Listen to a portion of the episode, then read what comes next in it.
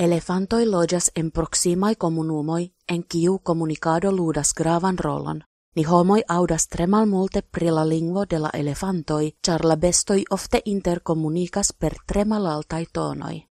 La tiel nomata infrasono estas neaŭdebla per homa orelo. Elefantoj sendas infrasonoin tra la aero per sia rostro sed ili estas eĉ se ili premas sian rostron al la tero, ĉar la malaltfrekvencaj tonoj disvastiĝas pli tra la tero ol tra la aero, simile al sismaj ondoj el tertremo. Elefantoj povas percepti kaj kompreni ĉi tiujn vibrojn ĝis pli ol dek kilometroj.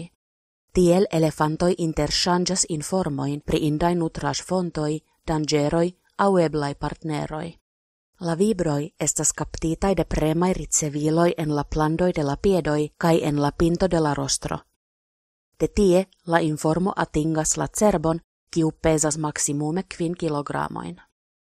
Gi estas unu el la plei grandai cerboi en la tuta bestregno, cae danke al gi, cae al constanta cresco de nervoi, la elefantoi povas ausculti vin ec per piedoi.